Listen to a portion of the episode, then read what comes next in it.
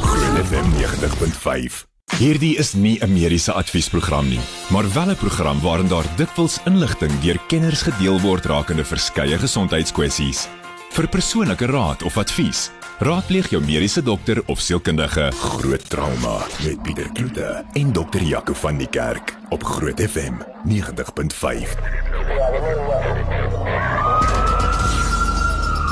Sag minute oor 8 op die Woensdag aand. Jaco, Dr. Jaco van die kerk saam met my. Hy's 'n uh, in sy eie praktyk daar in Pretoria Noord en natuurlik ook 'n direkteur van Montana Med 24 se trauma eenheid en baie jare se ervaring en uh, ondervinding. Jaco, dis lekker dat jy altyd weer so is op 'n Woensdag aand om my uit te help met allerlei mediese kwessies. Dankie Pieter, is baie lekker om hier te wees en goeienaand aan almal by die huis. Kom ons begin met nuus stories, Jaco. Ehm um, kyk, mense kla mos altyd oor hospitaalkos, maar ek dink hierdie ouens wat nou kla oor Baragwana se kos, het seker iets om te kla. Ja, definitief. Ek dink hospitaalkos op sy beste is nie lekker nie. Maar daar's groot probleme met kos in in, in staatshospitale in Gauteng en die, en die groot nuus was oor Baragwana.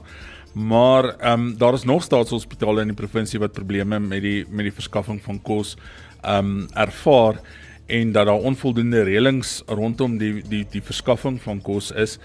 As mens gaan kyk na 'n groot hospitaal soos Charlotte Macheke of ou Joburg Gen soos die, ouer mense dit sal weet, ehm um, sit hulle ook met 'n probleem. Ehm um, hulle het nou gaan kyk wat het die mense gekry vir ete en ehm um, hulle Saterdagmiddagete het bestaan uit 'n hamburger rolletjie, botter en 'n pakkie sop sonder kookwater. Nou ek weet nie wat moet jy met die pakkie sop sonder sonder kookwater doen nie. En Saterdag se aandete het bestaan uit weer eens 'n rolletjie en 'n gekookte eier.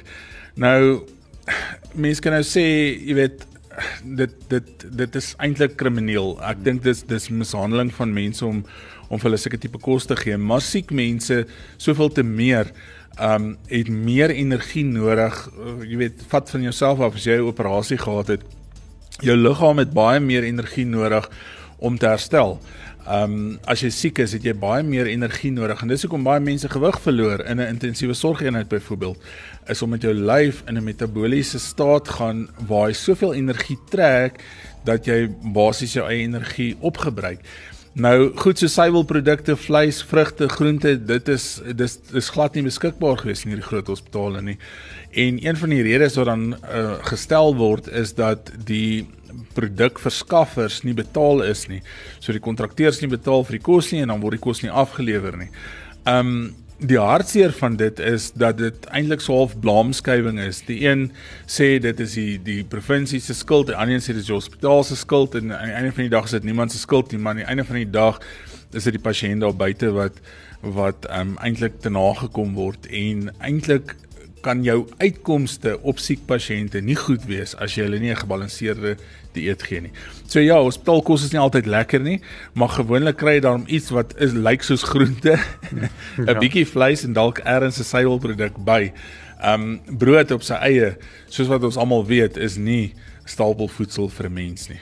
As ek maar vra, hoekom gee jy baie keer jelly vir mense?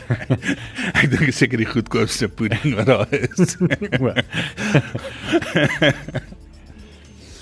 Ja, kyk Pieter, ek dink daar is seker elektrolyte ook en en koolhidrate. Baie mense het nie honger as hulle in die hospitaal is nie. So dalk dalk is dit 'n bydraende faktor.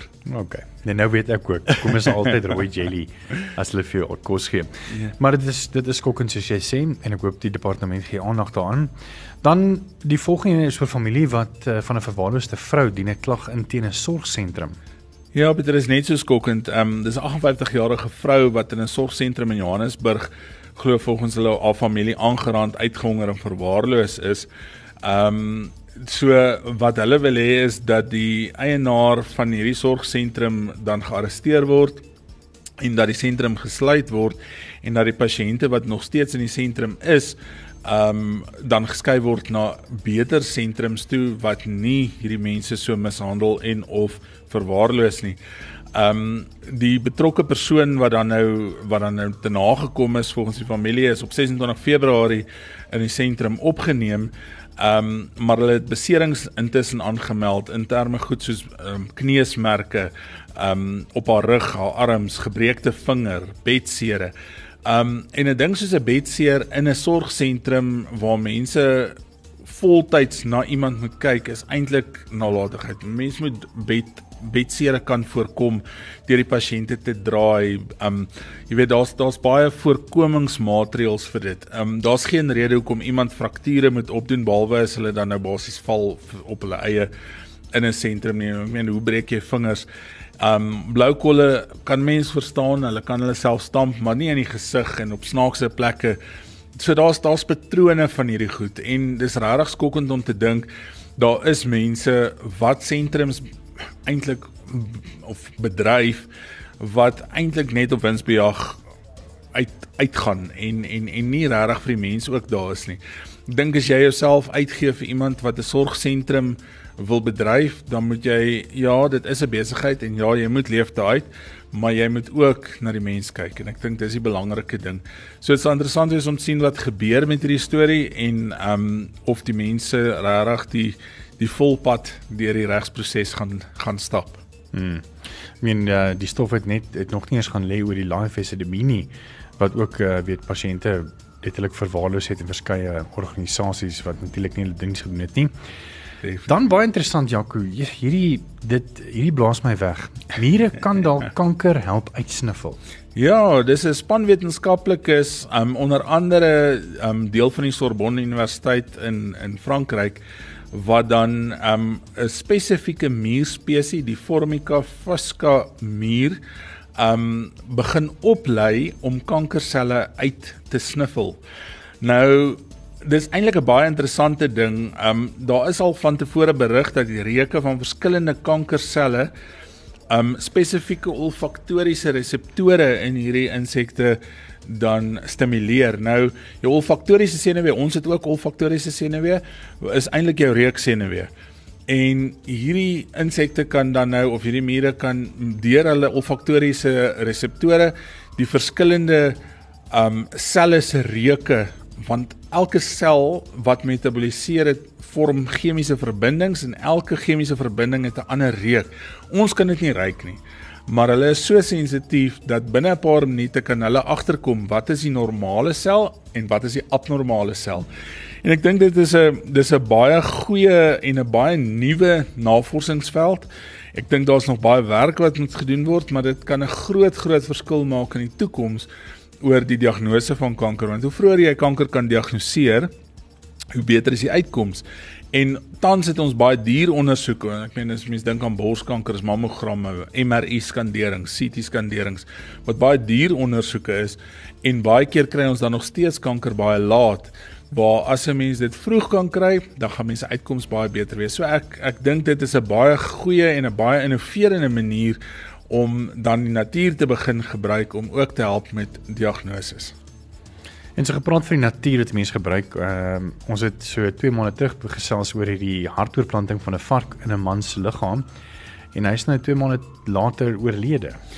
Ja, ehm um, aan die een kant is dit is dit hartseer dat hy dat hy oorlede is. Ehm um, ek dink hy's op 57 jarige ouderdom nou Dinsdag wat gister is oorlede. Ehm um, maar ek dink nie mense moet dink dit is dis 'n mors van van 'n prosedure en of geld om dit te gedoen het nie. Ek dink as mense gaan dink aan die aan die eerste hartoortplanting wat Chris Barnard gedoen het, Louis Waskanski het ook net 'n paar dae geleef na die operasie en daar's baie fynere nuances van hierdie van hierdie komplikasies en of gevolge van 'n oorplanting wat hulle op daai stadium toe toe toe Chris Barnard dit gedoen het nie geweet het nie en dit is so verfyn dat eintlik mens hartoorplantings baie relatief algemeen en 'n baie suksesvolle operasie is tans. Ek dink daar's ook obviously um baie fynere punte wat nog nie geweet word of of of, of, of bekend is van dier na mensoorplantings nie. En ek dink 'n mens moet dit sien as 'n eerste stap in die regte rigting en dat daar nog steeds navorsing gedoen moet word. Maar ek dink nie mense moet dit heeltemal vergeet nie. Ek dink nog steeds dis een van die maniere hoe mens um organe wat 'n tekort is in die wêreld kan kan jy weet daai daai tekort bietjie aan werk. Um en ek dink regtig waar dit was nie 'n verniet dood wat hierdie ou gesterf nie. Hy sou in elk geval dood gegaan het. Die Amerikaanse owerhede het dan um spesifiek toestemming gegee vir hierdie operasie omdat daar hy nie 'n kandidaat was vir 'n vir 'n ander uh, oorplanting nie en dat hy in elk geval sou sterf. So ek dink dit is regtig die eerste stap in die regte rigting nog steeds.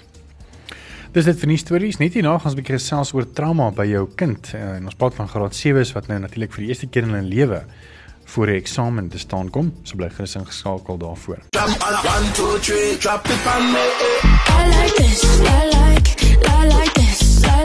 Groot FM 90.5. Groot trauma op Groot FM 90.5.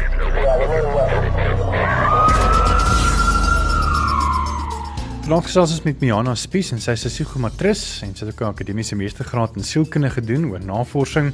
Baie welkom hierso Mian, Miana. O, ges, nou kan ons nie eens vir jou hoor nie. Probeer gou weer. Goeienaand. Daar sy perfek. Dankie. Lekker om hier te wees by julle. So vanaand gaan ons 'n bietjie gesels oor ehm um, die trauma wat kinders ervaar ehm um, wat vir die eerste keer hulle eksamen moet skryf. En dit mense dink mis, miskien ook, ek meen as ek kan terugdink aan my eerste eksamen kan ek dit nie onthou nie, maar ek dink dit moet tog half tot 'n mate baie stresvol wees om te dink dit is jou eerste eksamen en jy moet nou amper half uithaal en wys uh en en die meer en hulle weet ook nie wat hulle altyd moontlik kan verwag nie maar voor ons daarby uitkom net so 'n bietjie agtergrond oor wie is Miana Spies en wat is 'n psigomatris? Ehm um, Pieter, ek gaan ek gaan dit kort hou. Ek kan baie lank daaroor gesels, maar gaan kort hou. Ek het uh, my agtergrond is kliniese sielkunde.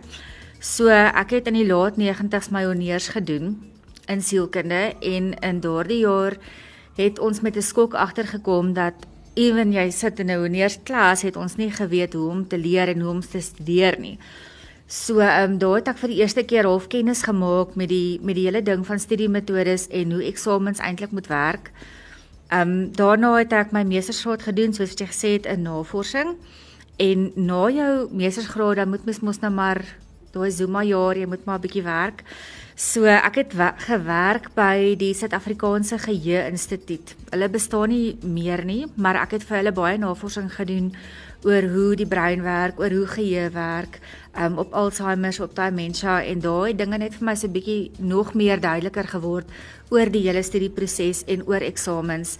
En toe het ek in die baie vroeë 2000s begin om met kinders te werk, um, oor studiemetodes en daar vinnig gesien dat daar baie groot behoefte is en ook wat die effek dan van eksamens op kinders is en spesifiek dan die graad 4s waar hulle begin om toetse te skryf, formele assessering soos dit nou vandag bekend staan. Ja, en dit is waar ons vanaand gaan gesels. As jy kinders het en veral kinders wat nou begin met graad 4, ehm um, ek dink hulle is nou al reeds het hulle al dalk al klaar hulle eerste eksamens agter die blad, maar dis miskien ook nou 'n goeie leerskool dat jy jou ore teen die radio hou want uh, Miana gaan vir ons 'n paar wenke gee aan die einde van die program. Jaco net 'n bietjie te begin oor ehm um, trauma en weet kinders uh veral op graad 4 vlak. Jy weet ehm um, 'n mens sien nie altyd nie. Ek meen ek kan nie as ek nou moet terugdink aan my graad 4 dan kan ek nie onthou ek het eksamen geskryf nie. Ehm um, en dis miskien ook nie 'n slegte ding nie want ek meen op daai stadium het hulle seker net ges- weet op graad 4 dan kie- kies hulle mos net weet of jy met blou of met geel klei kan speel. exactly. Ehm Ek wonder of ek kon lees en skryf teen daai tyd. Hmm. Maar tog is is ehm um, is daar tot 'n mate van van stres wat wat selfs graad 4s kan hê oor 'n opkomende ding van iets wat hulle miskien ook nie weet hoe om te hanteer of om te verwag wat hulle doen nie en ehm um, natuurlik ook oor 'n standaard. 'n Mens gee amper half die eerste keer in 'n lewe vir hulle 'n benchmark om te sê hoorie maar jy moet 50% hê om deur te kom. Ja. Ehm um, so wat se medies as mense nou kyk na die mediese aspek van stres uh en veral onder 'n kind. Ek weet ek weet jy het ook jou meestersgraad of jou uh gedoen met met koptrauma wat eintlik nou iets anders te is. maar ehm um, Dis baie makliker om koptrauma te doen want dit is of bloei of is gebreek. Jy weet, hierdie is iets heeltemal anders. Ehm um, ek dink dis baie traumaties. Ek dink ek meen ek het ek het nou nagraads geswat al en dit was vir my nog traumaties um, om eksamen te skryf, jy weet, want ons praat nou van van studiemetodes en ek is verby my my my my M in noodmedisyne sonder om regtig vir iemand te kan verduidelik hoe dit geleer.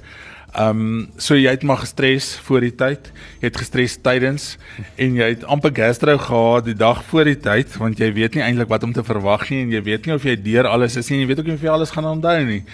Ehm um, en ek dink regtig waar dit is belangrik om basies op die op die op die grondslagfase van 'n van 'n kind se lewe vir hulle baie mooi te leer hoe om te om te leer.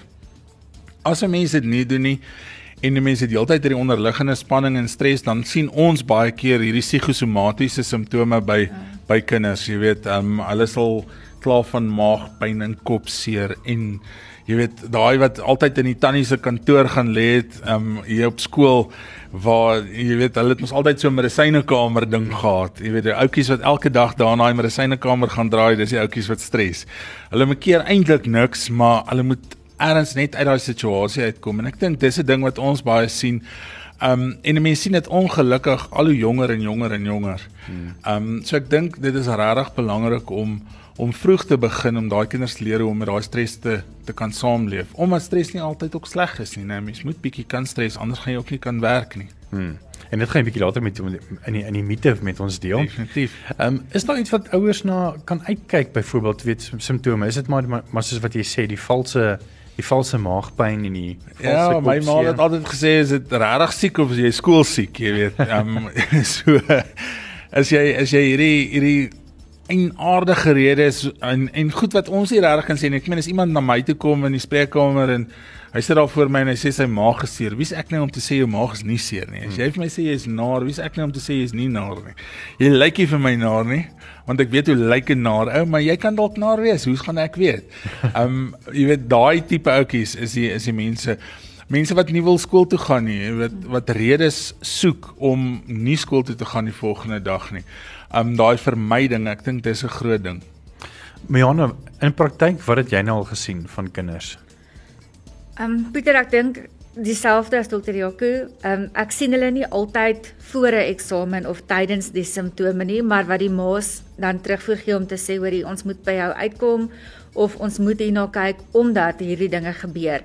So baie keer bars die kindertjies sommer as 'n vraestel uitgedeel word in trane uit en hulle kan glad nie lees of verstaan wat daar gevra word nie omdat hulle stresvlakke net te hoog is. Ehm um, so dit ja, daar is die maagpyn, die naar, die vermyding En wanneer 'n kind dan so geweldig gespanne is, dan kan hulle ook nie fokus op die werk nie. So hulle slaan heeltemal toe voor hulle moet leer en wanneer hulle moet voorberei vir 'n toets. En dan gebeur dit dat daar baie konflik in die huise tussen die ouers en die kinders is, want die ma probeer die kind leer en die kind is net daar dring niks deur nie en dis later trane en tyd raak gemors en die volume is werk is nie soos wat toe ons op skool was nie, dit is aansienlik anders. So dit raak so 'n sneeubal effek ehm um, wat dan in die klasse en met die ouers 'n baie negatiewe situasie vir daai kinders kan hê. Ek dink nou aan toe toe ons net praat van die kind kinders wat in trane uitbars.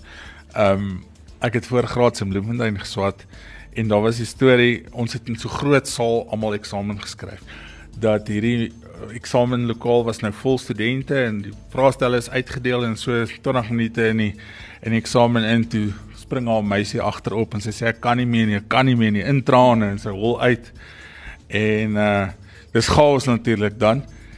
En éventueel toe almal nou rustig raak, toe ehm um, skryf hulle weer so 10 minute aan en daar's 'n man daar voor in die hoek wat opspring en hy sê ook hy kan nie meer nie, hy kan nie meer nie. En hy bly so rukkie stil. Hy sê maar ek moet en hy gaan sit en hy gaan skryf verder. Jy kan nou dink dis die beste manier om eksamen op te voeter. Jy weet, ehm um, daai hele daai hele eksamen sessie dink ek is daarmee heen op daai stadium. En ek dink dis deel maar van stres. Dis maar hoe mense dit hanteer, verskillend. Ons gaan gou vinnig kyk na ons mediese minute minute en dan gaan ons net net 'n bietjie ges verder gesels oor hierdie. Ek dink ons praat oor stres en ons almal dink as jy as jy nie gaan stres nie, gaan jy eintlik 'n gesonde lewe hê en jy gaan lekker lewe en dit alles gaan net goed gaan en jy gaan gelukkig wees. Maar aan die einde van die dag dink ek is dit nie heeltemal die waarheid nie. Um ek dink dit hang af hoe jy jou stres hanteer en hoe jy cope met die stres in jou lewe. Stres is al reg rondom ons en en jy gaan dit nie kan vermy nie. Dit hang af hoe jy dit hanteer. Stres is goed vir jou soms. Um ek weet van myself, jy weet as as ek nie gestres het oor my eksamen nie, het ek dalk nou nog daar gesit. Um jy moet 'n bietjie stres hê om bietjie dryf te hê om jouself te druk om beter te presteer en ek dink mense moet daai nooit nooit vergeet nie is dat stres kan vir jou goed wees afhangend van hoe jy dit hanteer. Groot FM 90.5 I'm with you, I'm with Jou grootste FM in Pretoria. Groot trauma op Groot FM 90.5.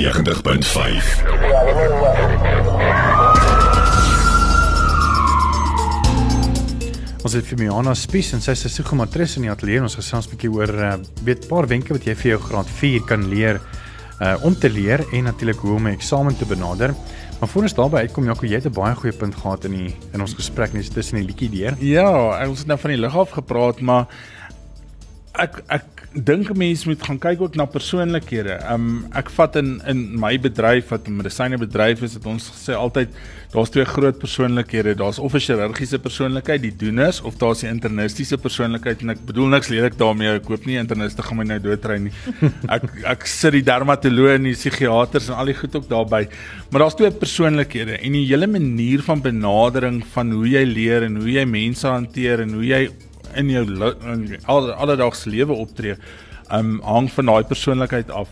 Hoe beïnvloed persoonlikheid leerpatrone en leerprosesse en hoe um evalueer jy daai kinders om hulle persoonlikheid in ag te neem in daai in daai hele proses. Dokter Jaco, dit is dis regtig 'n baie geldige vraag en 'n mens moet daarna kyk want daar's nie twee kinders wat dieselfde gaan leer nie. Ja. Ehm um, ons doen 'n breinprofiel, 'n Kobus Netling breinprofiel om te gaan kyk of hierdie kinders meer linkerbrein of meer regterbrein is, wat dan ook elkeen in twee ehm um, dele verdeel word. So jy werk met 'n vier kwadrant profiel om te gaan kyk soek hierdie kind spesifiek detail. Soek hy stap vir stap. Soek hy presisheid soek hy 'n groot prentjie. Jy gaan byvoorbeeld kinders kry wat soos wiskunde wat dadelik na 'n som gaan kyk die bewerkings in sy kop doen en die antwoord skryf maar al die stappe uitlaat en dan nie verstaan hoekom hy die punte kry nie. Ehm um, so dit is nou tipies iemand wat 'n groot prentjie in sy kop het. En dan het jy ook kinders wat sukkel om onafhanklik te leer. Hulle soek interaksie met mense, so jou, jou mensleerders. So ons gaan kyk definitief na die breinprofiel. Ehm um, en dan gaan kyk ons ook na na drie leerstyle. So jy kry mense wat meer fokus op die visuele aspek. Hulle leer makliker deur dit wat hulle sien. Prentjies, diagramme, grafieke, ehm um, die gesig van die onderwyser wat hulle natuurlik nou heeltemal omvergooi met hierdie maskers. Want hulle kan nie verstaan nie want hulle kan nie die juffrou se gesig sien nie. Ehm um, dan kry jy 'n auditiewe leerder. Dit is kinders of mense wat net kan luister en hulle verstaan. Dis tipies wat jy gaan sit en skribbels maak, maar jou fokus is nog steeds ehm um, by die werk met of die materiaal wat gedeel word. En dan het jy meer jou kinestetiese leerder. Dit is weer 'n kind wat meer die praktiese sy van goed wil ervaar om die werk dan te kan verstaan. So wanneer ons kyk na 'n studiemetode of 'n leertegniek, moet ons werk met 'n heelbrein tegniek. So ons moet gaan kyk na linker regterbrein, detail, ehm um, presisheid, groot prentjie, die verskillende leerstyle en dan gaan kyk waar lê hierdie kind. So om te gaan kyk na 'n spesifieke voordeel of 'n voorkeur eerder um, is goed want dit is waar jy 'n kind natuurlik gaan neig. Maar dan gaan daar ondersteuning moet wees vir al op graad 4 en graad 5 vlak selfs nog waar die ouers dan gaan moet kyk waar is dit waar die gapings lê? Waar is dit waar die kind nie natuurlik heen gaan nie? Want dis waar hulle dan inligting gaan mis. So wanneer 'n kind dan nie 'n heelbrein tegniek gebruik nie en daai stresvlakke skiet te hoog soos jy gesê het bietjie stres is nodig vir motivering maar wanneer die stres dan te hoog gaan dan sit jy met 'n situasie waar 'n kind te blank slaan in 'n eksamen soos wat hulle sê. Of dan nou in trane uitbars of naar word of net absoluut niks kan onthou wat hulle geleer het nie. So wanneer 'n mens werk op 'n heelbrein tegniek, dan werk ons meer met wat ons noem langtermyn geheuevaslegging. So dan kan ons weet die inligting is vas en dis daar. En hoe sou jy vir 'n ouer raad gee? Byvoorbeeld wanneer mens mens kan nie net 2 dae voor die eksamen begin begin werk met jou kind oor 'n leerplan nie. Hoe lank voor die tyd moet 'n mens begin? Hoe lyk 'n leerplan as mens dit vinnig moet opsom? Ehm um, En wat moet hulle doen die dag op op eksamen? Ek ek, ek seker van hulle moet net vir hulle kinders skool toe vat en sê great start met vandag se toets nie. Nee, dit is 'n bietjie daar's 'n bietjie meer werk agter die skerms as dit. Ehm um, die leerplan of die die ideaal in 'n ideale wêreld wat ons graag vir die kinders wil leer van 'n vroeë ouderdom af van graad 4 af, maar wat ek regdeur vat met mense wat by my kom vir hul tot selfs na skoolse vlak, is ehm um, die goue geheim is om by te bly met die werk. Wanneer jy agterraak en wanneer jy nie op datum is met leerwerk nie, dan raak dit 'n situasie waar hulle wag vir afbakenings of vir die werk wat spesifiek vir daai vak deurgegee word sê maar 2 weke voor die tyd. Maar nou sit jy met 'n kwartaal se volumes om in te haal in 6 of 7 vakke en dit is wanneer die stresvlakke ook 'n bietjie te hoog raak want daar's net eenvoudig nie tyd um, om dan dan by alles uit te kom nie. So wat ons vir hulle leer is probeer bybly. Ek weet um, my kinders self doen sport. Dit is baie moeilik in 'n huishouding om elke dag noodwendig opsommings of leerwerk by te bly, maar probeer dan ten minste 'n week se werk op 'n naweek net inhaal. Um, net 'n bietjie herhaling, net 'n bietjie hersiening, maak seker jy kan verstaan die werk, want jy kan nie iets onthou of leer wat jy nie verstaan nie. So maak seker die kind verstaan die werk, maak seker jy bly by, doen basiese herhalingkies en wanneer dit dan kom by eksamentyd is daai werk vasgelê. En dit is dan nie meer papegaai werk wat hulle net moet repeteer om te gaan weergee nie want dan is daar nie insig nie en as 'n vraag dan bietjie anders gevra word dan is daai kindertjies verlore. Um om jou te antwoord op die die eksamenwenke self. Um dink ek dis baie belangrik vir die kinders om rustig te wees voor 'n eksamen. Uh ek sê dit is so vinnig genoem die ou gesegdetjie van weet train hard fight easy. As jy goed voorberei het en jy's rustig in die eksamen, wel rustig onder eksamen terme. Ehm um, dan is dit vir die kindertjies maklik om die vrae te lees want wat baie keer ook gebeur is die kinders is so gespanne dat hulle nie ordentlik hulle vrae lees nie. So hulle lees byvoorbeeld in graad 4 leer hulle sê maar van die sewe lewensprosesse. Nou sê die vraag noem en bespreek 3 lewensprosesse. Rooi kind sien net lewensprosesse raak en hy is so opgewonde want hy ken dit en hy noem die sewe en hy dink hy gaan aan met sy vraag. So die groot ding van wat spesifiek graad 4 en graad 5 kinders selfs nog doen is hulle lees nie hulle vra ordentlik nie. En dan wat hulle ook doen is hulle gaan baie keer terug en twyfel in hulle self en dan gaan maak hulle die regte antwoorde verkeerd. So ons leer ook vir hulle weet As jy mooi voorberei het, bly by jou eerste antwoord want die kans is goed dat hy reg is en moet asseblief nie 'n vraag leeg of blank ingee nie. As jy dan moet raai, gorrel, sit net iets op papier want as jy reg geleer het, is die kans dat jy ietsie gaan raak raai darm goed. Iemand het hier so um, met monkey puzzles. Kans om so een uit 4 om reg te wees. moet net nie gaan verander nie asseblief. Ek sien iemand hierso sê ehm um, die volgende is nog 'n lywige stukkie wat die persoon vir ons gestuur het. Ek dink is Niels. Hy sê ek dink daar is goeie stres en slegte stres. Slegte stres is iets wat jy wat jou vasvang in 'n groef waaruit jy voel jy nie kan kom nie. Dit domineer jou. Ek dink ook by kinders gaan dit oor selfvertroue, hoeveel druk ouers op hulle plaas. Ek glo ons moet ons kinders moed inpraat en hulle laat weet jy's daar en hulle moenie dink hulle is dom en dat ons almal verskil en dat verskille nie sleg is nie bou hulle selfvertroue en wees kalm want die kind kan die ouers se stres uh, stres en druk aanvoel. Maar dis net my opinie. Maar dis 'n goeie opinie. Dis 100% akkuraat. Weet jy, dit is dit is 'n baie geldige opinie. Ek sien dit ook baie um, in my lyn en dit wat ek doen dat baie ma's of ouers wat vir die eerste keer 'n graad 4 leerder het, is ook self oorweldig met die volumes en die verskillende vakke en hierdie woordeksamen en al die nuwe dinge wat gebeur dat die mamma of die ouer of wie ook al self baie stres en dit dra absoluut oor op die kind. So ek dink dit is 'n bittergeldige punt om te kan sê weet jy mamma haal asem. Dis oukei. Ehm um, dis nie so erg nie die die idees agter dit wat ons in ons koppe skep is baie erger as die realiteit self. Dis regtig nie so erg nie. Ek dink 'n ander ding wat 'n mens baie moet moet um benadruk is jy moenie sommer die woord dom gebruik nie. Um jy weet party mense is aangelê vir sekere goed en ander mense nie. Dit wat ek kan doen kan 'n ander ou waarskynlik nie doen nie, maar dit wat hy kan doen kan ek weer nie doen nie. En elkeen van ons het ander belangstellings en ander fokusse in ons lewe en ek dink nie mense moet ooit vir iemand sê hy's dom op grond van die feit dat hy in iets spesifiek dalk nie presteer nie.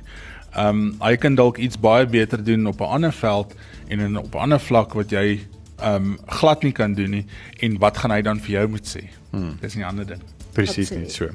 As jy enige vrae het vir Miana, sy is nog hier so saam met ons, um, kan jy vir ons 'n vraag vra op ons WhatsApp nommer en onthou dit is vra vir Jaco net hierna.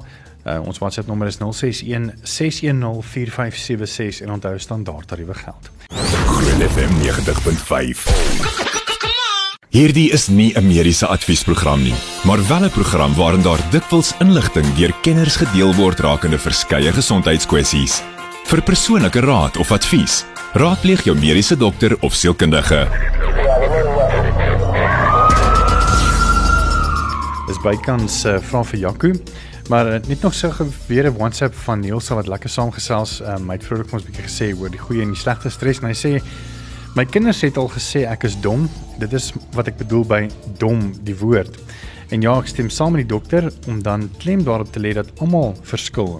Dat almal nie ewe vinnig leer nie en ons brein verwerk goed op verskillende maniere en jy moet vasstel op watter manier jy as individu iets moet leer. Ek glo die slim mense daar is daar sal beter lig daarop kan werk op hierdie onderhoud. Wat sou jy sê Miana? Ja, definitief. Pieter is definitief so dis wat ek nou-nou ehm um, gepraat het oor die breinprofiele en die verskillende leerstyle. Dit dit verskil. Dit is hoekom ook ehm um, en dit is net my opinie en ek kan dalk op tone trap, maar hoekom ek baie versigtig is dat mense byvoorbeeld iets soos opsommings koop. Um, en van daar af leer, hmm. daar is absoluut geen insig of geen interpretasie van daai kind se eie maniere daarin nie en dit vloei uit op 'n papegaai stelsel wat regtig nie baie voordelig is vir die kind self op die ou en nie so 100% reg. Dink maak nie saak hoe slim jy is nie, die papegaai stelsel werk net tot op 'n punt. Ja. Want jou volume van werk wat jy gaan mm. moet onthou eers langs die pad of dit nou op skool is of dit na of voorgraads, nagraads universiteit, maak nie saak waar jy is nie. Dit gaan te veel word om op daai manier te onthou en dan moet jy 'n ander manier hê om om inligting um jy weet in jou in jou kop te hou en te kry en te te kan interpreteer en te kan gebruik. Hmm. En ek dink ek ek sien dit nou letterlik in myself wat nou hierdie jaar begin het my honeurs. Uh, ons is nou in week 3 en die volume leeswerk is vir my dit dit dit nie altermy nog sal nogal so bietjie. Uh want 'n mens wil graag alles onthou. Uh maar tog hoef mense ook nie alles te onthou nie, net seker net die kernstorie onthou of so iets. Ek weet nie, jy moet miskien vir my sê uh hoe om beter te kan leer op, op dit, maar die volume baie keer is maar net baie keer oorweldigend, jy weet. Ja, dit is dis baie anders as wat toe ons op skool was. Pieter, regtig, dit is dis oorweldigend baie. Ehm um, dit is ook een van die groot redes hoekom die kinders moet bybly en dis nie net graad 4 nie. Die hoërskoolkinders kry swaar as hulle nie bybly met die werk nie, want om op 'n kort tydjie al daai werk in jou kop te probeer kry en dan te verwag die resultaat gaan daar wees wanneer jy dit weer moet oproep, um, is onrealisties. Dit dit gaan nie werk nie. So happie vir happie, stukkie vir stukkie, sinnetjie vir sinnetjie. Mens soos wat weet dokter Jacques gesê het, begin by bladsy 1 en werk om maar maar deur en breek dit vir jou af. So ons ons leer die kinders ook um, om te sif om daai belangrikste goed te kan uithaal om die werk op die ouende vir jou regtig minder te probeer maak. So volumes is 'n baie groot kwelpunt op die, ja, vir die ouers spesifiek. Net om af te sluit, waar begin ouers? Begin jy op graad 3? Begin jy op graad 2? Wanneer sou jy sê is die beste tyd om jou kind te begin regmaak vir leer? Ek dink die beste tyd is miskien in graad 3 dat hulle net nie noodwendig met 'n studiemetode of 'n leermetode nie want hulle het nog geen um insig of konsep van wat dit is in graad 3 nie, maar om dalk net te sê okay, ons moet nou huiswerk doen en jy het sê maar 20 minuutjies dan moet ons 'n breek vat en dan weer 20 minuutjies huiswerk doen um, dat hulle net in daai patroon kom van ons moet vir 'n rukkie sit en werk en dan 'n breek vat en dan weer vir 'n rukkie sit en werk. Maar in graad 4 wanneer hulle verstaan um, wat die verskillende vakke is en hoe lyk akademiese materiaal dat daar iets is soos 'n hoofopskrif en daar's iets soos onderopskrifte want hulle het geen konsep van daai nog voor graad 4 nie. So dan kan hulle begin om strukture in die werk te kry en om dan 'n studiemetode aan te leer. Maar ek sou voorstel eerder vroeër as later. Ehm um, wanneer hoërskoolkinders byvoorbeeld by my kom, is dit bitter moeilik om 'n uh, ek wil nie sê 'n verkeerde metode nie, maar kom ons sê 'n metode wat tot op daai stadium vir hulle gewerk het af te leer en dan weer 'n ander metode aan te leer. Dan kan mens nogal moeilikheid maak. So ek sou eerder sê graad 4 vroeër eerder as later. Nee, nou net laastens, ehm um, weet my maat het vir my gesê, weet, jy gaan 3 uur kamer toe en jy kom nie uit tot tot 5 uur wanneer ons gaan eet nie en jy moet leer. en ehm um, baie kinders, ek het ook nog hoë studente wat sê, "Joe, ek het nou seker maklik 4, 5 uur ingesit." Maar daai is nie eintlik regte rede. Ek meen, ek dink langer as 'n halfuur is al klaar te veel. Pieter, wat die die wetenskap sê is, ehm um, 'n kind se konsentrasie vermoë is sy ouderdom mal 2 minute maksimum. So Wat? 'n kind van 10 jaar se maksimum konsentrasietyd is 20 minute. So die kinders manipuleer mens dan baie dat hulle dan 'n halfuur breek moet vat en dis nie noodwendig so nie. Maar um, wanneer 'n mens 'n kind druk oor daai konsentrasiekurwe, val al daai inligting in een groot swart gat in en hulle gaan dit nie onthou nie. Dan sit jy met 'n situasie wat 'n ma vir 'n kind sê maar sê, "Oké boetie, ons het nou hierdie sê nou maar kenmerke van raamstrukture geleer sê gou vir mamma wat het ons nou net gedoen en daai kind kan jou nie antwoord nie. En dan kan dit tot konflik lei want ek het jy dit nou net gesê ons het nou net deur dit gegaan. Hoe kan jy dit nie onthou nie? Maar die ding is dit is dan oor daai konsentrasiekurwe. So baie belangrik, die kinders moet 'n breek hê twee maal hulle ouderdom in minute. Nou dit is 'n goeie aanduiding. Kort breek, die konsentrasie moet net breek, 2 minute, 5 minute gaan loop, draai, drink 'n glasie water, strek net die bene en dan kan jy weer begin. Maar um, om 'n kind te druk langer as dit, ehm um, jy mors jou tyd, jy frustreer die kind en dit lei net tot lelike dinge. Maar Pieter, ek dink ek en jy begin op die ouderdomsgroep val waar ons die ouderdom gedeel deur 2 Ja. moet vat nie wel 2 nie. Dan kan ons ook by ons konsentrasiespan kom. Dis eintlik baie interessant. Ek meen wa- wat sê navorsing? Ek weet nie of jy weet nie van byvoorbeeld ouer mense, byvoorbeeld ek wat nou 42 jaar oud is. Navorsing sê dat op die ouderdom van 18 verskuif daai konsentrasiespan na 60 minute toe, na 'n uur toe. So 'n volwasse persoon behoort vir 'n uur te kan sit en optimaal te kan konsentreer. So wat baie keer gebeur is die ehm um, wanneer 'n ouer dan saam met 'n kind werk, is daai ouer se konsentrasiespan hmm nog aan die begin waar die kind sin al gepiek het. So die die ouer of daai persoon voel ons het nou net begin, maar die kind sin is al weer op die afdraande pad. Mm. So dit is waar die die die misverstand dan inkom. So volwasse persoon en jy en jou neer se uur is 'n goeie tyd. Dis eintlik waar wat jy sê. Ek meen nou dat ek daaraan dink, ek meen ehm um, as as ouers sê maar ons het ons het elke dag vir 'n uur en 'n half gesit met die kind en hy verstaan nog steeds nie die werk nie. Dis nie 'n uur en 'n half aan een nie, Nee. want die kind kan nie konsentreer nie. Nee, hoe genaamd nie. Ehm um, mens kyk regtig 'n maksimum van 'n laerskoolkind sou ek sê 20 minute. In graad 4 wil ek so ver gaan om te sê 15 minute. Um, wat regtig baie kort tydjie is, maar ja, ek dink die ouers sal weet ook. Daarna begin die kind self rondvroetel of rondskommel en karring aan goedjies en fidget en sê ek wil gou 'n bietjie opstaan of kan ek net gou op my foon kyk of kan ek net gou badkamer toe gaan. So dan moet jy weet daai konsentrasie is reeds verby. Dis Miana Spies en sy is 'n psigomatris en ook 'n meestersgraad in sielkunde met navorsing. Ehm um, so gaan ook of gaan kyk haar gerus op daar op Facebook Miana Spies. Miana, dankie vir jou tyd. En dit uh, was baie insiggewend selfs vir my. Baie dankie Pieter, dankie dokter Jaco, dit was lekker om saam met julle te kuier. Hoor ons nou so lekker gesels Jaco dat daar's nie eintlik reg tyd vir enige vrae vir Jacos nie, So maar bly. ek dink miskien ook net hierdie enetjie wat sê naand Pieter en dokter Jaco, moenie my naam noem nie asseblief. Uh ek was onlangs in die hospitaal en die vrugte wat hulle vir my gegee het is nog groen en hard. Dis iets wat ook mens nodig het. Definitief. Ek dink maar ek dink dis die standaard hospitaalkos, jy weet. Ehm ek leef ook op hospitaalkos baie keer in die dag en ehm dit bly maar nie 'n lekker plek op die op die beste van tye nie. So ehm die groen en hart, jy moet bly wees, dis nie pap en rooi aan en swart en vrot nie. So dit- maar definitief, ek dink dis ehm dis 'n goeie punt en veral met die met die storie dat ons in die staatshospitale sien hulle sukkel met groente en vrugte en en vleis en suiwel. Dis 'n groot probleem. Dis dit vir groot uh, groot drama vanaand. Uh, Dr. Jaco van die Kerk het sy eie praktyk daar in Pretoria Noord ook uh, die direkteur van die trauma eenheid uh, van Met 24 en hy's volgende week Woensdag weer saam met my om uit uit te help met al die groot mediese vrae en die meer. Ehm um, as jy enige voorstel het vir lekker programme uh, en onder of onderwerpe wat jy wil hê ons moet uh, ook aanraak, as jy meer as welkom vir my sommer 'n e-pos te stuur by pieter@grootfm.co.za pieter@grootfm.co.za tot volgende week. Jou grootste FM in Pretoria.